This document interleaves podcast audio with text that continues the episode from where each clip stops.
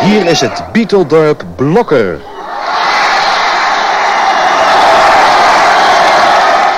Luisteraars, goedenavond.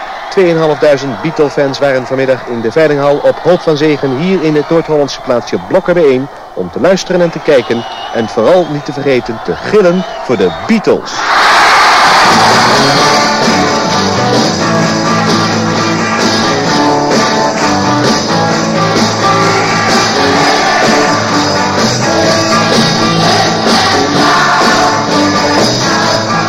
U hebt ongetwijfeld gehoord van de waanzinnige tafereelen die zich hebben afgespeeld tijdens de rondvaart vanmorgen door de Amsterdamse grachten. Ik moet u zeggen, zover is het hier nog niet gekomen, met de klemtoon op nog. Want de verwachting is, wanneer er vanavond 7000 van deze hysterische fans bijeen zijn, het enorm moeilijk zal zijn voor de organisatoren om deze massa in bedwang te houden. Vanmiddag om 1 uur waren de fans al in blokken aangekomen met brommer, scooter, bus of fiets. Compleet in spijkerbroeken, leren vesten en allerlei andere Beatle-hemden, pruiken, hoeden, jurken, sokken en gaat u zo maar doei. Wat de Beatles nog nooit in hun roemrijke carrière hebben gezien, was een half gevulde zaal. Waaruit u echter niet mag concluderen dat organisator Ben Essing en zijn festivalstichting een financiële strop hebben gehaald. Integendeel, voor Ben Essing was de zaal wel uitverkocht. Want Radio Veronica, die muziekzender ergens op zee, had alle 7000 plaatsen voor de zaal al weken geleden opgekocht in de veronderstelling dat zij deze via reclamespots in hun uitzendingen wel kwijt zouden raken.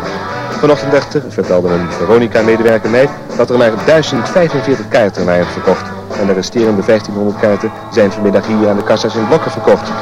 Radioreclame schijnt zelfs niet geschikt te zijn om eigen artikelen in dit geval plaatsbewijzen aan te prijzen. Maar de 2500 fans waren ruim voldoende om de Beatles orkaanachtig te verwelkomen. De microfoons van radio, televisie en filmluisteraars zijn enkele ogenblikken voor het optreden van de Beatles van het toneel weggehaald. Dit in opdracht van de assistent-manager van de Beatles, die voor elke microfoon 5000 gulden, dat is een 5 met maar liefst drie nullen naar achter, eiste. Een was overigens goed afgesproken met de assistent-manager, maar hij zei business is business, iedere microfoon 5000 gulden of anders weg. Ja, de Beatles zelf hebben ook niets te vertellen. Het zijn aardige jongens die alleen maar mogen knikken en zingen. En de rest wordt gedaan door die manager. Siska Peters bijvoorbeeld wilde graag een fotoplaatje laten maken met de Beatles. De Beatles gingen niet akkoord, maar de manager zei nee. Misschien dacht hij, misschien zit hij ook weer duizend gulden in. De showbusiness, dames en heren, is hard.